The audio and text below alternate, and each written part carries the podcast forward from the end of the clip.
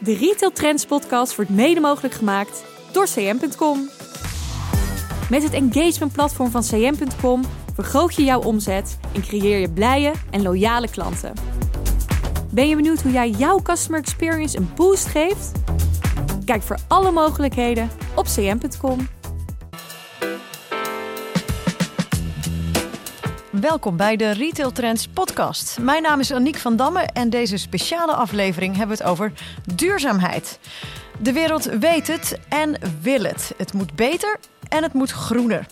Misschien wil je als retailer wel duurzamer produceren, recyclen of anders inkopen, maar ergens zegt je onderbuikgevoel: nou, doe nog maar even niet. Want dat betekent verandering. En verandering eh, betekent onzekerheid. En onzekerheid is een risico. Hoe pak je dat aan en wat voor gevolgen heeft het voor je bedrijfsvoering? Daarom in deze aflevering Retail Trends Mythbusters. Vijf stellingen die misschien ook wel bij jou in je achterhoofd spelen. En twee retailers die het gewoon doen. Twee pioniers die vertellen hoe ze het aanpakken. Als eerste Christian de Jong, uh, duurzaamheidsmanager bij Bever. En Roland Vervloed, op links sustainability expert bij Decathlon. Welkom allebei. Dankjewel. Dankjewel. En als we het over onderbuikgevoel hebben, dan heb ik het liefst ook meteen over statistieken en, en onderzoek. Uh, daar ben ik heel blij, um, Anke Bergmans, dat jij erbij bent van Mountain View Research. Welkom. Dankjewel. Uh, Anke, wat onderzoek jij precies? Ja, ik onderzoek uh, precies dat onderbuikgevoel waar je het over hebt. Over um, hoe consumenten denken over duurzaamheid en hoe je ze kunt meekrijgen in duurzaam gedrag. Want er zijn vaak veel uh, aannames over, maar uh, ik, ik onderzoek het. Ja. Nou, mooi. Dat gaan we van jou, van jou horen. Christian, jullie hebben een event deze week hè, vanuit Bever. Kan je eens vertellen wat dat event inhoudt en waarom je dat doet? Ja, dus uh, we hebben een event uh, waar 100 koplopers eigenlijk uit de markt uh, bij ons over de vloer komen. Um, en dat hebben we gedaan omdat we zien dat er veel over duurzaamheid wordt gepraat en de actie ook nog wel eens mist. Maar vooral ook dat we echt met elkaar willen kijken hoe kunnen we met elkaar die volgende stap gaan zetten. hoe kunnen we elkaar inspireren? Hoe kunnen wij anderen inspireren? Maar ook vooral hoe kunnen anderen ons inspireren om met elkaar eigenlijk verder te komen. En um, ja, inspiratie, maar ook activatie staan echt centraal. Dus we willen ook de deur uitlopen met een concrete opdracht. Mooi. Het heet Samen tegen de afvalberg. Die concrete opdracht, is dat die afvalberg uit de weg halen? Ja, dat is uiteindelijk wel het, uh, het hogere doel eigenlijk waar we aan werken. Dus ervoor zorgen dat we in ieder geval die afvalberg niet met elkaar nog verder laten groeien. Dat is eigenlijk ja, de opdracht waar we voor staan. En dat, uh, daar hebben we elkaar heel erg hard nodig. Mooi, daar gaan jullie elkaar vinden, hopelijk uh, tijdens het event. Dat hoop ik wel. Hey Roland, je bent ook bij dat event uh, aanwezig vanuit Decathlon. Kan je uh, het belangrijkste speerpunt binnen jullie duurzaamheidsstrategie eens neerzetten? Ja, zeker. Um, waar wij nu echt op focussen is het neerzetten van meer circulaire businessmodellen. Dus om echt te kijken hoe wij met minder producten eigenlijk meer mensen aan het sporten kunnen helpen. Dan heb ik het over kleding, uh, denk ik dan meteen aan? Of waar? On, onder andere, uh, als je bij ons in Decathlon binnenloopt, dan weet je dat wij heel veel verschillende producten verkopen. Uh, en we kijken eigenlijk naar al die pro producten van ja, hoe kunnen wij meer mensen laten sporten met in totaal minder producten, dus ook minder uitstoot, minder afval. Um, ja, dat is natuurlijk een enorme uitdaging, maar dat is wel iets waar we al een aantal jaar mee bezig zijn. Mooi. Ik wil heel graag horen wat jullie bevindingen daarin zijn. Uh, nou, we, ik zei het net al, vijf stellingen over duurzaamheidsstrategieën in je bedrijfsvoering. Laten we de eerste eens even erbij pakken. Uh, duurzaamheid is ingewikkeld. Het is gedoe. Anke, wat komt er uit jouw onderzoek over dit uh, onderwerp? Um dat is eigenlijk zitten er twee kanten aan het verhaal. Want aan de ene kant, uh, als je het helemaal doortrekt naar het einde van als consument, als je duurzaam wil gedragen, is het super simpel, want je moet gewoon nooit meer iets kopen. Nou, duidelijk. Maar op, ja, je hebt wel eens iets nodig en dan wordt het ingewikkeld. Want uh, er zijn veel duurzame initiatieven, maar de consument ziet natuurlijk maar een heel klein stukje. Dus elk merk kan zeggen: wij zijn duurzaam, we gebruiken re recyclede materialen. Alleen hoe goed het echt is, dat kun je als consument bijna niet, uh, kun je bijna niet achterkomen. Want als je alles moet gaan uitzoeken, dan heb je daar een fulltime uh, baan aan. Dus dat maakt het voor consumenten heel ingewikkeld om het onderscheid te kunnen maken tussen wat is echt een duurzaam bedrijf of wat is greenwashing? Ja, ja.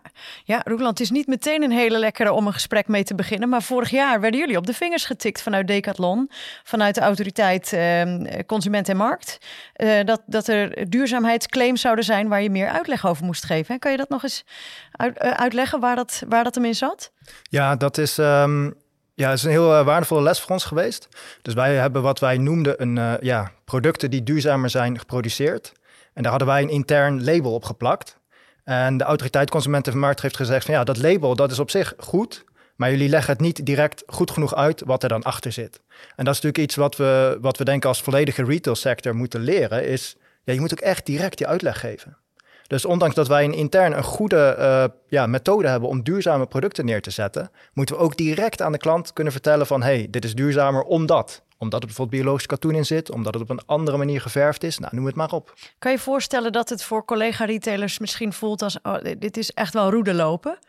Je kan heel makkelijk een misstap begaan en, en misschien je hele imago aan gort schieten? Ja, zeker. Het is, nou ja, we moeten dit met elkaar leren. En inmiddels zie ik overal dingen waar het niet goed gaat. En uh, nou, we zien ook bij andere retailers dat ze ook op de vingers worden getikt. Um, maar het is, het is een belangrijk proces. Dus het is iets wat we met elkaar uh, ook, ja, waar we in vooruit moeten. Ja, even, even blijvend bij die stelling. Het is ingewikkeld, het is gedoe, het is complex. Um, als het gaat om circulaire businessmodellen bij Decathlon, hoe ingewikkeld is het? Kan je een voorbeeld geven? Um, het is complex, omdat natuurlijk de huidige situatie is ook complex.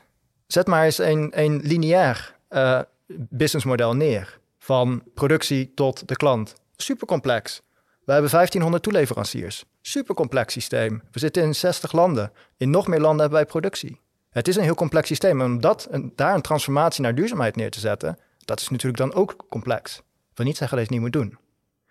Er zijn ook dingen die echt een no-brainer zijn. Denk aan reparatie. Repareren is gewoon echt een no-brainer. Dat moet je doen. Steeds meer producten moet je repareren. En ja, dat is misschien niet heel complex. Dat is het opzetten van een reparatieservice. Jullie hebben ook een reparatieservice, hè? met name bijvoorbeeld fietsen. Ja. Begrijp ik goed, hè? Een werkplaats heb je toch? Wij hebben een werkplaats en recent zijn we ook gaan samenwerken met het United Repair Center. Waardoor wij dus ook uh, textiel kunnen repareren. Uh, maar we kunnen ook tenten repareren, subs. Uh, fitnessapparatuur, allerlei producten kunnen wij laten repareren. Het lijkt alsof je zegt, dit is, dit is op zich vrij simpel om te implementeren. Maar ik kan me voorstellen, je hebt een ruimte nodig, uh, een reparatiewerkplaats, je hebt mensen nodig. Uh, en ik kijk ook even naar jou, Christian. Hè? Jullie hebben ook een reparatieservice. Hoe simpel is het om dit te realiseren? Ja, kijk, het is niet simpel natuurlijk. Het is, het is hard werken. Het is um, soms tegen de stroom inzwemmen. Want je bent gewend als retailer om in een lineair systeem te werken. Je bent gewend om nieuwe producten aan de klant te verkopen en opeens ga je iets anders doen. En dat is natuurlijk een transformatie die je neer gaat zetten. Uh, maar als je daar eenmaal mee bezig bent, dan is het ook enorm. Um, ja, het geeft heel veel, heel veel uh, goede energie. Want je bent iets aan het verbeteren, je bent iets aan het veranderen. En dat zien we ook intern heel erg. Dat ja, waar zijn mensen het meest trots op? Dat is onze nieuwe reparatieservice bijvoorbeeld. Dus je, je, je zet iets neer wat weer heel veel nieuwe energie geeft, wat mensen aantrekt. Je creëert iets nieuws, je zet een transformatie neer. Dus het is super waardevol om zoiets te, te gaan doen. Hey Christian, als het gaat om die reparatieservice, hoe hebben jullie dat aangepakt? Ja, dat is interessant. Ik denk dat uh, die complexiteit kun je soms ook platslaan door wel ergens gewoon te starten. Uh, want ja, het is absoluut complex. Ik denk dat we dat elkaar, uh, daar hoeven we niet van weg te lopen. Maar uh, het gaat vaak wel over die eerste stap gewoon zetten en uh, daar ergens het durf te tonen. En bij ons is dat letterlijk begonnen met het repareren op e in één winkel op de winkelvloer. Uh, waarvan we ook al snel zagen, ja, dit is geen schaalbaar model. Nou, dat was niet helemaal verrassend natuurlijk. Maar toen zijn we dat um, centraal in huis gaan doen. En ik denk de grote complexiteit bij ons zit er vooral in. Hoe zorg je ervoor dat je dit op een betaalbare en een hoogwaardig kwalitatieve manier goed kan doen? Want we hebben het uh, in ons geval bij Bever vooral over buitensportartikelen, uh, complexe stoffen, complexe materialen, uh, maar ook, ook producten die echt een functie vervullen. Um, en waarbij je niet wil dat de consument uiteindelijk uh, op het moment suprême uh, ergens in de bergen of wat dan ook, uh, eigenlijk tegen de grenzen van het product aanloopt. Dus hoe zorg je ervoor dat je op die assen betaalbaarheid, kwaliteit en ook nog een beetje een degelijke doorlooptijd echt een goede service neerzet? dat vraagt gewoon heel veel tijd, aandacht en detail. Ja, en, en los hem eens concreet in die vraag. Als in, het is super complex. Hoe, hoe, hoe waarborg jij dat? Nou, we, eh, eigenlijk bij ons werkt heel erg. Wij opereren best wel bij dit, dit soort dingen uit een geloof. Een geloof dat dit het juiste is om te doen. En dan ergens te starten en daarvan uit te gaan uitbouwen. Dus wat we hebben gedaan is letterlijk één persoon uh, bij ons op kantoor in Pijnakker uh, zijn we een atelier begonnen, een reparatieatelier. Uh, en daarvanuit uit gaan bouwen. Kennis opdoen, ook met de merken die we voeren, kennis delen. En daarvanuit inmiddels zitten we nu met zeven collega's die voltijd product repareren. En dat is nog niet genoeg om alles te doen. Um, en zeker niet als kijken naar de ambitie en de potentie die er nog achter zit. Dus er zit zo'n enorme groei, maar dat is wel die eerste stap zetten. Continu leren, continu verbeteren. Um, en uiteindelijk kom je dan ook wel, wel waar je wil zijn. Ja. kan ik in elk Bever-filiaal iets inleveren wat stuk is? En gaat dat dan vervolgens naar Pijnakker? Ja, ja, dus wat uh, ter plekke kan, doen we ter plekke. Uh, en de rest gaat uh, bij ons centraal naar Pijnakker. Ja. Hoe lang duurt het eigenlijk voordat ik dan mijn, mijn backpack terug heb met de kapotte rits? Ja, dus ons streven is binnen zeven dagen. In alle eerlijkheid, dat halen we nog niet altijd. Dus het zit nu vaak tussen de één en twee weken. Check. Ja. We gaan naar de tweede stelling. Uh, duurzaamheid is gewoon duur. Het kost gewoon knijten veel geld. Anke, wat, uh, wat zie jij daarvan terug in, in je onderzoeken? Ja, dat is een van de frustrerendste dingen in onderzoeken. Is mensen zeggen dan dat als argument hè, van waarom koop je niet zus of zo. Ja, het is duur. Maar er zit altijd een andere reden achter. Dus prijs is een super ingewikkeld concept om te onderzoeken bij consumenten. Omdat het, het gaat niet om dat het echt te duur is, maar het gaat erom of ze het waard vinden om dat te kopen. Want ik denk, ja, als je wel een telefoon van 1000 euro koopt, maar niet 20 cent extra voor een biologische komkommer wil betalen, dan is denk ik prijs niet het issue. Dus um, dat maakt het gewoon heel erg ingewikkeld om daarachter te komen. En, en ik denk dat op het moment dat mensen het gevoel hebben van ik moet extra betalen om iets duurzaams te doen, ja, dan wordt het al meteen vanuit een negatief um, uh, kant belicht. En dan, dan gaat het over het moeten. En dan voelt het ook als een straf dat je extra moet betalen. Terwijl als je het kan omdraaien naar iets van wat mensen heel graag willen. Dus, dus het, het wordt een positief iets waar ze trots op zijn en waar ze onderdeel van uit willen maken. Ja, dan is die prijs helemaal geen drempel meer. Dus dat zit er met name in, in de waarde die, ja, het gevoel wat, wat je mensen erbij geeft. Dat ze, dat ze positief zijn, dat ze denken, oh, dat wil ik hebben. Ik bedoel, dat is natuurlijk hoe de hele marketingwereld in elkaar zit. Mensen verleiden om iets te kopen wat ze eigenlijk niet nodig hebben. Ja. Dus, ja. Christian, ik zie jou knikken. Is dat iets waar, waar je bij Bever juist op inzet? Het, het, het, het hoe noem ik dat? Het pull versus het push eh, effect?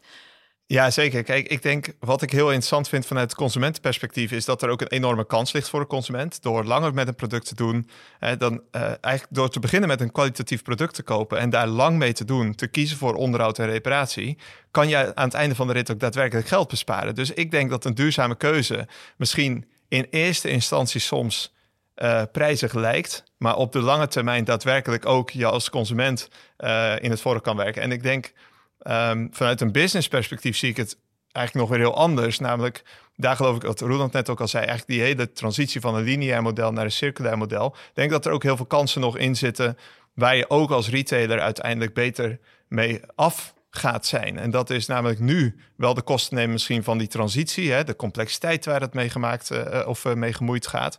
Maar uiteindelijk kom je ergens op een punt dat die consument elke keer bij je terug laten komen. Is ook een vorm van, je zou kunnen zeggen, CRM of van loyaliteit afkopen.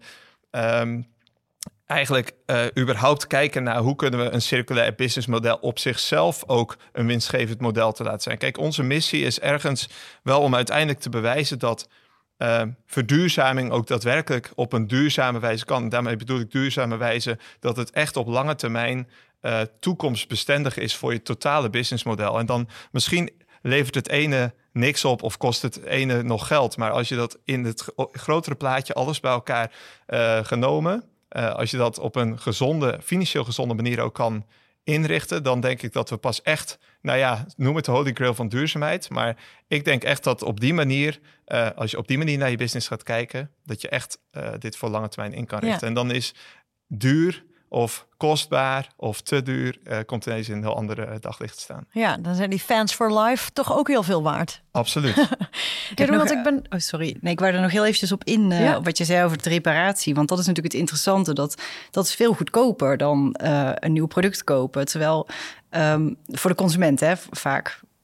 Dus um, wat consumenten zeggen, ik laat het niet repareren, want het is te duur Maar daar houden ze geen rekening mee dat een nieuw product natuurlijk veel duurder is. En wat, ik, wat daarin zit, is denk ik dat mensen zijn natuurlijk heel blij als ze iets nieuws hebben. Hè? Dan zijn ze trots, laten ze het zien aan anderen.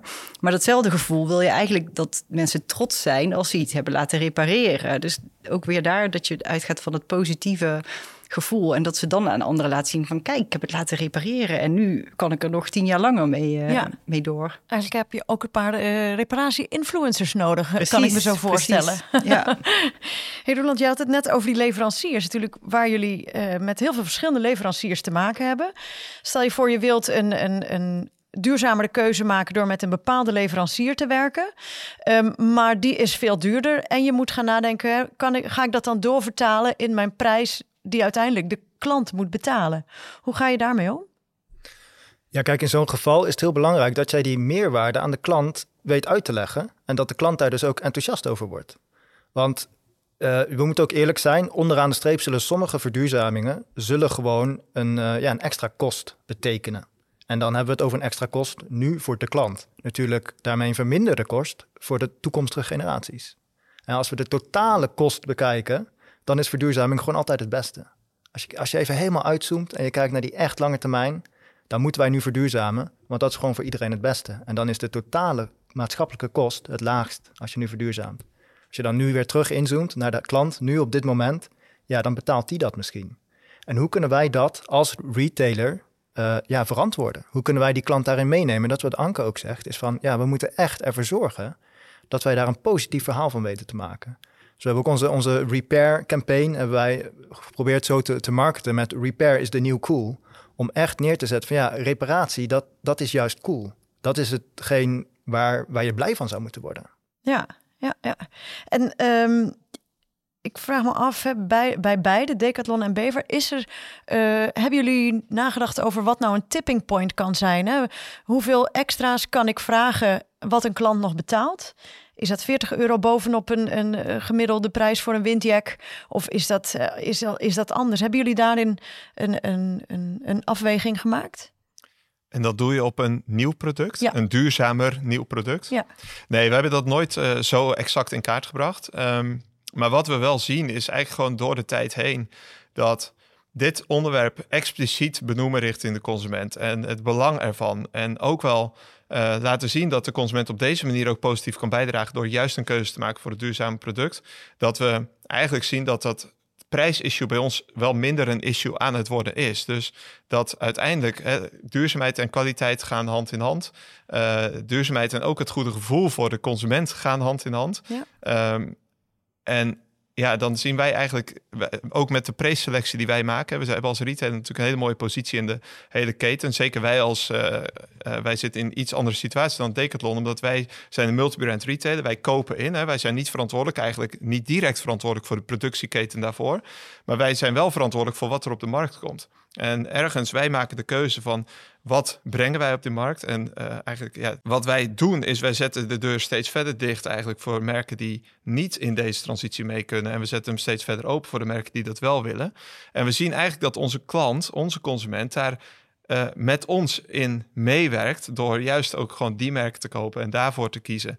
Dus ik denk dat dat prijspremium, wat misschien nu nog echt aan de orde is, dat dat één steeds meer nivelleert, omdat het uh, steeds minder uh, een gat, uh, dat steeds minder groot gat komt tussen wel of niet duurzaam of meer of minder duurzaam.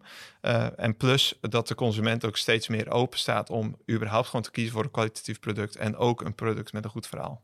Maar Christian, hoe kijk je dan naar het risico dat Bever wordt gezien op een gegeven moment al als een winkel waar voor alleen mensen met een dikke portemonnee?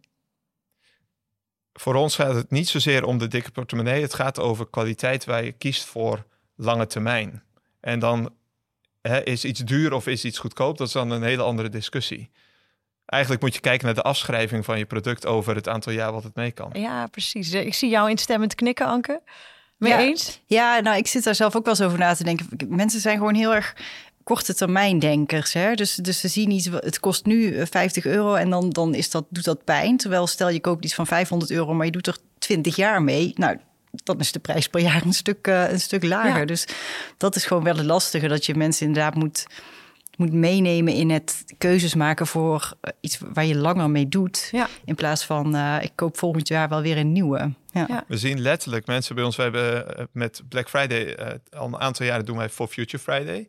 Uh, waarbij mensen terugkomen met hun uh, wandelschoenen of met hun kleding om te repareren, om te onderhouden. En letterlijk mensen die met schoenen uit de jaren negentig, die goed zijn onderhouden, die er nog zo geweldig uitzien. En dan denk je, ja, je loopt dus al 25, 30 jaar loop je op een paar schoenen waarvan je misschien toen ook al vond dat het duur was. Maar als je dat even terug gaat rekenen naar het aantal jaar, of misschien beter nog naar het aantal kilometers wat je ermee hebt gedaan, ja, dan is dat peanuts. En ja. sterker nog, bij juist buitensportproducten lenen zich er ook voor om een band op te bouwen met een product. Je hebt er avonturen mee, uh, meegemaakt, je hebt er mee gereisd of wat dan ook. En je wil misschien ook helemaal niet van dat product af. We zien echt zoveel van die pareltjes waar mensen al 10, 20 jaar lang met een product doen. En waar ze nog steeds, ja, waar, als we geen reserveonderdeel meer kunnen bieden of wat dan ook, of het is echt niet meer te repareren, dat het bijna pijn doet om dat product weg te doen. Nou, die verhalen, daar zit voor marketing natuurlijk ook één grote goudmijn in. Het is uh, geweldig. Kan ik me voorstellen. Ja, je wordt er zelf ook enthousiast van, want tijdens, dat is wel waar je het ook voor doet. Om, het, uh, om de stelling uh, prijs en de consument af te ronden, ben ik ook benieuwd. Hoe lang doen jullie iets met een Black Friday inhaker? wij doen geen Black Friday. wij hebben een aantal jaar Green Friday gedaan. Dus waarbij wij um, ja, echt inzetten op uh, ver, ja, ook verduurzaming. Uh, deden we samen met Dylan Camille. Uh, deden we bomen planten. afgelopen tijd hebben we Buyback fri Friday gedaan. Buyback Friday? Ja, dus wij kopen jouw oude producten terug, zodat wij die weer als tweedehands kunnen verkopen. je kan nu in elke winkel bij ons kun je binnenlopen en je kan je oude Decathlon fiets bijvoorbeeld terugverkopen aan Decathlon. Um, wat er dit jaar op de, op de planning staat, dat kan ik nog even niet, niet delen. Maar het gaat ook weer iets, iets in deze richting zijn. Spannend. we gaan het in de gaten houden. Leuk. Um, we gaan naar stelling drie. Uh, een duurzame strategie zet toch amper zoden aan de dijk. Um, we kunnen wel allemaal uh, leuke oplossingen bedenken, maar het is gewoon niet genoeg. Anke, is het een druppel op een gloeiende plaat, die duurzaamheidsstrategieën van de heer hier aan tafel? Nee. Nee, want um, ik ken dat gevoel heel erg. En heel veel mensen die met duurzaamheid bezig zijn, denken altijd: ja, maar wat ik doe is maar zo klein, zo marginaal. En eigenlijk moeten er grote systeemveranderingen plaatsvinden. Maar wat wel zo is, is dat um, voor echt groot, grote veranderingen, ook vanuit wetgeving, heb je draagvlak nodig voor draagvlak heb je nodig dat ook uh, de gemiddelde Nederlander snapt wat er gebeurt, waar we mee bezig zijn, waarom het belangrijk is. Dus op het moment, um, juist door bedrijven die, die dit soort dingen doen, daar, daardoor wordt het normaler. Hè? Daardoor wordt het normaler om te repareren, om minder te kopen. En op het moment dat uh, ook zeg maar Nederlanders, consumenten aan dat soort uh, ideeën wennen, snappen ze ook veel beter wanneer er dus grotere veranderingen moeten plaatsvinden. Dus juist om, om het draagvlak in, de hele, in ons hele land, in de, in de hele gemeenschap um, te krijgen, heb je eh, allerlei initiatieven van alle kanten nodig. Ja. En wie van jullie drie kan een aantal statistieken delen? Als in wat leverden uh, jullie duurzaamheidsstrategieën op? Ik denk dat je, nou wat Roland net ook al zei, het is een beetje de vraag wat je uh, ziet als wat het op moet leveren. Dus uh, kijk je puur naar een financiële kant of kijk je eigenlijk naar die meervoudige waardecreatie waar het ook gaat over uiteindelijk de maatschappelijke kost of misschien wel uh, de maatschappelijke opbrengst. Um, ik denk dat we zeker een impact maken door één, door überhaupt een stap te zetten. Hè? Dus ergens laten zien dat het kan. Uh, dat je andere keuzes kunt maken. Uh, en we zien ook daadwerkelijk, als je kijkt naar de groeicijfers op onderhoud, reparatie, al dat soort dingen, letterlijk 60, 70, 80 procent groei jaar over jaar. Um, 80 procent groei op wat? In, in, reparaties bijvoorbeeld. Oh, dus um, meer uh, reparaties? Ja, ja? Okay. en dat zien we al jaren, de afgelopen drie, vier jaar zien we dit al zo doorgroeien. En dus dat betekent ook dat de consument steeds meer bereid is om überhaupt daarvoor te kiezen. Het is best wel complex om daar dan een, bijvoorbeeld een footprint aan te hangen. Want ik, ik heb wel eens wat pogingen gedaan, maar het is best wel complex om dat helemaal zuiver te krijgen. Dus daar, daar wil ik niet helemaal um, die kant op. Maar wat je dus wel ziet, is dat je echt een significante beperking kan hebben in CO2 footprint. Als je dus producten langer mee laat gaan, tweedehands koopt.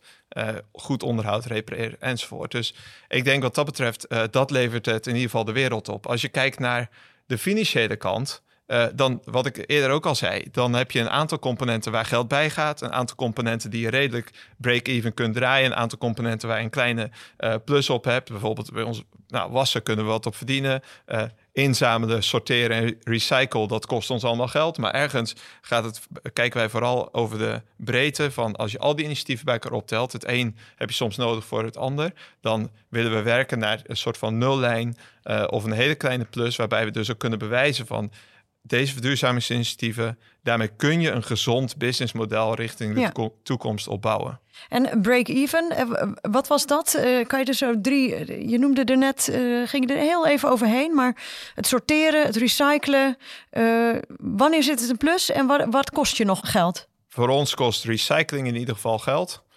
namelijk inzamelen en sorteren. Ja, het is ook niet de rol van de retailer, maar eigenlijk niemand anders kan het echt. Dus daarom doen wij het. Um, repareren, dat, uh, het hangt een beetje af van het item, maar uh, bottom line gaat daar geld bij. Uh, onderhoud kunnen we iets aan verdienen, dus wassen bijvoorbeeld. Um, ja, en dan heb je nog een aantal andere een beetje aanpaande zaken. Maar die, ja, dat is allemaal, dat hangt een beetje rondom dat, rondom dat nulpunt. Maar ik hoor je dus zeggen, het doel is dus ook dat nulpunt of een plus? Een lichte plus. Ik hoor je niet een baanbrekende nieuwe uh, double digit uh, end of year uh, hieruit willen halen. Nee, op dit moment niet. Maar ik denk dat hè, dan gaan we nog even voorbij aan ook dus ik denk die maatschappelijke opbrengst die, die het ook met zich meebrengt. Maar ook alle andere plussen die je kunt behalen in het um, circulair maken van een lineair model. Wat ik eerder ook al zei, je krijgt ook die klant lineair model is je verkoopt iets en die klant die is weg en die hoopt dat die vervolgens ooit weer een keer bij je iets komt kopen. En nu verkoop je iets. Je blijft gedurende die hele levensfase van dat product blijf je eigenlijk aangehaakt. Namelijk kom terug bij ons voor onderhoud, kom terug bij ons voor reparatie, kom terug bij ons voor end of life. Als dat product echt niet meer bij jou in de kast hoeft te, te liggen, breng het dan bij ons terug. En dan zorgen we op welke manier dan ook voor een goed tweede leven. Kom bij ons terug. Nu ga ik toch even naar Decathlon. Dat mag ook. Um, hoe, uh, hoe zit dat bij jullie als het gaat om die losse elementen uit die circulaire keten en recycling, sorteren, levensduurverlenging? Waar zit het bij jullie, het break-even uh, verdienen of geld toeleggen nog? Um, ik heb niet alle data helemaal present. Uh, maar wat, wat, we zien is dat die, het opzetten van een nieuw model in eerste instantie is niet direct rendabel. En ja, dat is heel simpel, omdat je nog niet die schaalbaarheid hebt. Je hebt het nog niet neergezet als een efficiënt systeem. Het lineaire systeem bestaat al honderden jaren, om het zo maar te zeggen. Uh, voor ons als Decathlon is het rond de 45 jaar. Hebben wij dat opgebouwd, super efficiënt gemaakt. En met die nieuwe modellen zijn we daar gewoon nog niet. Maar het moet natuurlijk uiteindelijk wel, ja, er moet een businessmodel achter zitten. Want wij willen ook echt een stuk van dat lineaire model vervangen door een circulair model. En als je daar dan alleen maar geld op toelegt, dan blijft het zo dat het lineaire model, het circulaire model blijft sponsoren. En dat kan natuurlijk niet zo zijn op de lange termijn. Wij hebben er echt vertrouwen in dat dat gaat lukken. Wat we ook wel zien is dat er ook een stukje vanuit beleid um, daarin kan bijdragen. Dus uh, recent zien we bijvoorbeeld wetgeving zoals de UPV textiel. Dat is iets wat heel erg bij kan dragen de producenten, aan ja, de ehm, uitgebreide producentenverantwoordelijkheid op, op textiel. Waarbij je als je een uh, ja, stuk textiel op de markt brengt, al iets betaalt voor de recycling. En dat is wetgeving die voor iedereen geldt. Dus je trekt eigenlijk de onderkant van de markt qua duurzaamheid, trek je gewoon een hele stap omhoog. En dat is natuurlijk geweldig. Het is complex voor retailers, er zit veel administratieve last achter. Maar het is ook heel goed om op die manier uh, beleidsmatig dat, dat stukje, dat speelveld, te verbeteren en voor iedereen dat neer te zetten. Ja, goeie. goed om, om die rol van beleid ook nog uh, even mee te trekken. Wanneer is het uh, voor jou goed genoeg? Als, in, uh, als ik zonnepanelen op mijn, mijn, distributiecentrum heb, ben ik toch ook goed bezig? Wanneer is het voldoende voor jou? Ja, een heel goede vraag. Um, wij als Decathlon, als, kijk even alleen naar CO2-uitstoot. Dus dan heb ik het niet over de afvalberg of zo. Maar wanneer is het goed genoeg qua CO2-uitstoot? Dus als jij een science-based target hebt, dus je gaat echt naar die nul in 2050. En je bent ook, je volgt, je volgt dat stappenplan. Dus jij bent bezig om daar naartoe te gaan. Dat is dus wat wij met elkaar hebben afgesproken als goed genoeg. Ja. Christian, wanneer is het bij jullie goed genoeg? Ik sluit me daar helemaal bij aan. Um, hè, dus science-based targets, voor ons ook een belangrijk uh, topic. Um, daar werken we ook aan. Ik denk wel, uh, ja, dat is in principe waar iedereen aan zou moeten werken. Maar wat je nog wel ziet, is dat er veel in de kantlijn wordt verduurzaamd. Dus inderdaad, dat het toch neerkomt op die zonnepanelen of wat dan ook. En dat eigenlijk het primaire proces, waar je als retailer mee bezig bent, elke dag, uh, dat daar eigenlijk nog relatief weinig naar wordt gekeken. En uh, uiteindelijk gaat het wel om als elke organisatie, even los van of het nu een retailorganisatie is of niet, juist in de kern van het proces uh, gaat verduurzamen ja, dan kom je echt waar je moet zijn. Dus natuurlijk doen wij ook al die andere zaken, zoals verduurzamen van panden en dat soort dingen. Dat moet je ook doen. Maar dat is niet waar, uh, waar, het, waar wij echt zo mee aan de dijk zetten. Hè? Dus bij ons gaat het echt over dat primaire proces, dat product wat wij op de markt brengen en wat vervolgens bij die consument uh, uh, belandt. En ik denk dat dat, uh, dat ja, reflecteert in ieder geval ons duurzaamheidsbeleid nu ook heel erg. En gelukkig inderdaad zal door beleid uiteindelijk iedereen moeten werken aan dat primaire proces. Maar ik hoop dat, dat, dat het niet alleen maar beleid is wat dat drijft, maar dat er ook nog intrinsieke motivatie achter zit. Precies. We gaan naar uh, mythe 4 of stelling 4. Nou ja, misschien is het wel een mythe. Uh, jij mag het zeggen, Christian. Uh, duurzaamheid is eenzaam. Jij kan wel willen, maar ik krijg mijn organisatie toch niet mee. Ik ga toch eerst even naar Anke, wat betreft het consumentenperspectief. Um, ik denk dat dit tien jaar geleden zeker het uh, geval was bij, uh, bij mensen die dus uh, echt ja, vanuit zichzelf bezig waren met duurzaamheid. Inmiddels is er wel echt een grote groep Nederlanders die zich bewust is van de gevolgen van klimaatverandering. We zien dat driekwart van Nederland zegt: Ik maak me daar ook echt zorgen over van wat dat voor mij gaat betekenen. Mm -hmm. Mensen willen wat doen. Nou, als ik zie dat er uh, dik 80.000 man meeliep in de klimaatmars, uh, denk ik wel dat er draagvlak steeds groter wordt. Ja? Zeker, ja. Dus dat is wel, vind ik wel het mooie dat, zeg maar, tien jaar geleden, als je bezig was met duurzaamheid, nou dan had je nog wel eens. Uh, moeizame gesprekken met mensen die het allemaal maar onzin vonden of weet ik veel wat. En tegenwoordig is het, ja, bijna iedereen is het met elkaar eens. Er moet iets gebeuren. Alleen het wat dan en hoe en hoe ver ben je bereid om zelf te gaan, dat, dat is dan, dat, daar gaat het dan over. Maar het is wel, het is in die zin dus niet meer eenzaam dat je de enige bent die zich zorgen maakt. Maar vervolgens gaat het over het hoe dan. En dat ja. vind ik wel een goede stap. Nou, en het hoe dan? Dan kom ik natuurlijk bij de retailers uh, aan. Um, Christian, jij bent de duurzaamheidsmanager. Hoe ging dat binnen jouw organisatie? Heb je inderdaad iedereen nodig? Of kan je het gewoon aftikken als je uh, als HR een duurzaamheidsmanager in dienst heeft? Nee, dus uh, één, het is niet eenzaam. En twee, je hebt iedereen nodig. Daar geloof ik heel erg in. En voor ons is dat, en dat is ook wel mijn persoonlijke uh, overtuiging, is ik wil geen groot team. Ik wil geen team op duurzaamheid hebben. Uh, en dat heeft er alles mee te maken dat ik echt vind dat in elke, elke afdeling van de organisatie dit gewoon hoog op de agenda moet staan. En gelukkig is het bij Bever wel heel erg zo. Kijk, bij Bever werken mensen die houden van buiten. En ook dit topic is gelukkig iets wat bij bijna iedereen persoonlijk ook hoog op de agenda staat. Maar echt uh, in de dagelijkse gang van zaken uh, zorg ik juist voor dat elke afdeling eigen doelstelling op dit, uh, dit stuk heeft. En dat is volledig eigenlijk en top-down, maar ook bottom-up wordt dat enorm gevoed, omdat mensen willen het zo graag goed doen. Hoe doe je dat dan? Hoe, hoe onderwijs je die mensen? Hoe krijgen die mensen mee? Nee, doe je elke wekelijks inspiratiemiddagen of zo? Of? Nee, het is even heel praktisch. Uh, we hebben duurzaamheidsambassadeurs in alle afdelingen en ook in elke winkel. Nou, dat zijn mensen die vanuit een intrinsieke motivatie heel graag willen bijdragen. En we hebben daarnaast hebben we een wekelijks uh, overleg uh, waar eigenlijk ook wel alle mensen van de alle cruciale afdelingen bij elkaar komen. Nou, we denk toepasselijk, we noemen die meeting de Changemakers meeting. Maar dat is echt om met elkaar ervoor te zorgen dat wat we ook aan initiatieven ontplooien, dat dat ook in elke afdeling op een goede manier wordt doorvertaald. Ja. Uh, en dat is. Uh, ja, dat werkt heel goed eigenlijk, want daardoor voelt iedereen zichzelf ook verantwoordelijk uh, om hiermee aan de slag te gaan. En gaan ze niet achterover leunen. Dat gebeurt sowieso niet zo heel snel, maar ze leunen niet achterover en kijken mij aan van het moet van jouw kant komen. Ja. Uh, nu snap ik dat de mensen die bij Bever werken, dat je automatisch uh, misschien wel het type mensen aantrekt die daar ook heel erg mee bezig is. Ik weet niet of dat bij Decathlon hetzelfde is. Um, Roland, hoe, hoe, hoe zorg jij ervoor dat je iedereen meekrijgt? Ja, het is eigenlijk best wel vergelijkbaar met Christian. Dus wat, wat wij ook doen is echt um, proberen die, die duurzaamheidsdoelstellingen te integreren in de dagelijkse werkzaamheden van, van iedereen. Dus we zijn ook heel erg bezig geweest met uh, ja, niet alleen maar een doelstelling bijvoorbeeld op, op winstgevendheid of op efficiëntie, maar er ook altijd een duurzaamheidsdoelstelling naast. Ah, dus, dus je maakt er een aparte KPI van? We maken er een aparte KPI van. En dat, um, ja, dat faciliteert ook echt dat, dat je, ja, we noemen dat dan people, planet, profit. Hè? Dat iedereen in zijn rolomschrijving bijvoorbeeld een doelstelling heeft voor people, planet en profit Dus ook als je keuze maakt, dat je ze alle drie kan afwegen. Dat is een goede. Dus je zegt eigenlijk niet, je kan uh, door, de, door de, een duurzaamheidsmanager aan te stellen, bij er nog niet. Je moet echt proberen om dit binnen je hele organisatie door te, door te voeren, hoor ik jullie allebei zeggen. Ik kan me voorstellen dat het niet bij elke organisatie zo makkelijk gaat. Dat het echt in de intrinsieke motivatie van je medewerkers zit. Wat herken jij daarin, Anke?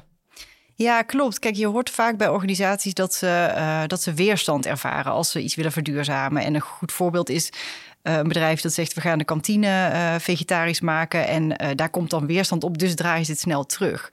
Alleen wat daar een groot risico is, is dat je alleen luistert naar de paar mensen die daar boos of verontwaardigd over zijn, terwijl misschien 80, 90 procent van je medewerkers het gewoon prima vindt of er helemaal niet zo, zoiets, zo'n probleem mee heeft. Dus uh, door dan meteen zeg maar, in, de, in de stress te schieten als, als een paar mensen negatief zijn, dan laat je je misschien ook wel iets te veel leiden door dat kleine groepje wat heel hard roept en niet door de grote groep die wel mee wil.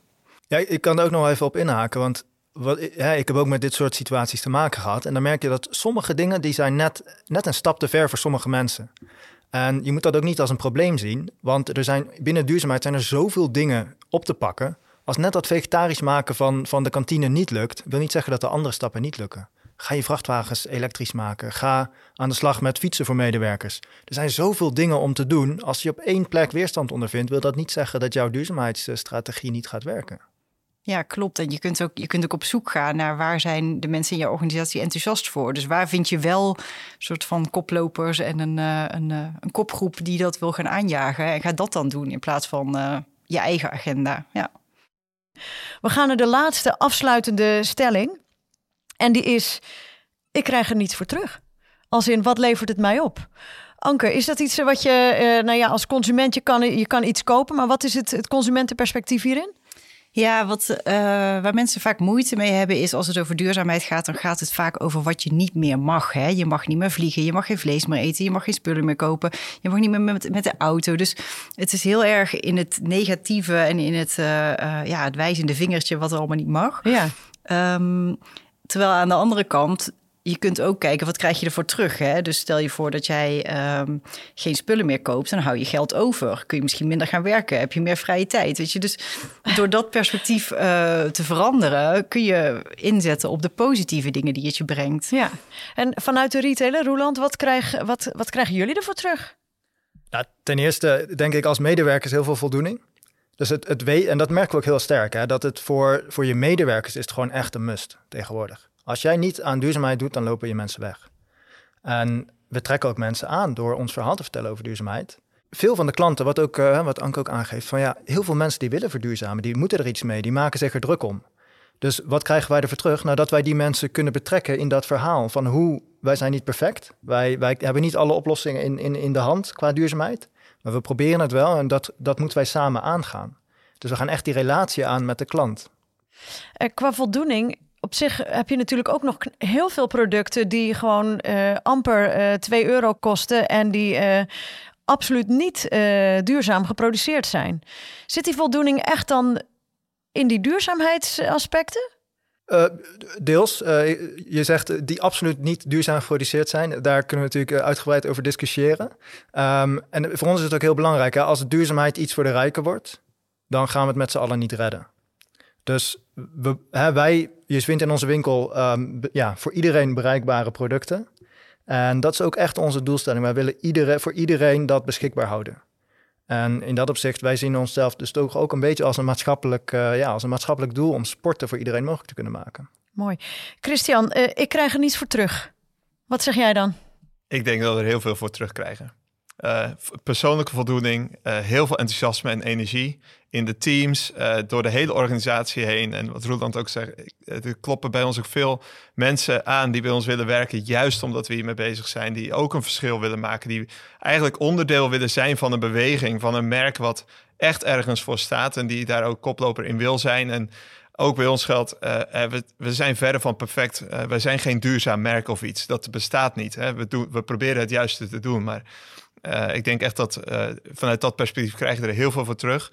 Um, en ik denk uiteindelijk dat het, ja, dat het op lange termijn je enige bestaansrecht is ook om al deze zaken, ehm, noem het people, planet, profit, noem het meervoudige waardecreatie, maar om op die manier je, je bedrijf te opereren. Dat is de enige manier waarop we met elkaar daarin kunnen overleven. Dus uh, het is geen vraag, het is een uitroepteken. En voor mij is het iets waar, ja, waar ik elke dag voor mijn bed uit wil, maar ook heel veel andere collega's met mij.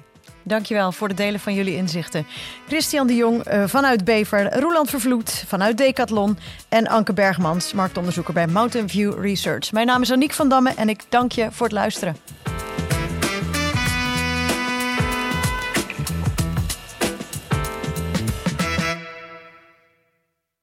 De Retail Trends podcast wordt mede mogelijk gemaakt door cm.com.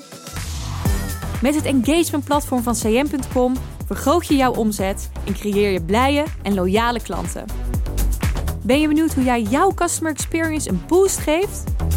Kijk voor alle mogelijkheden op cm.com.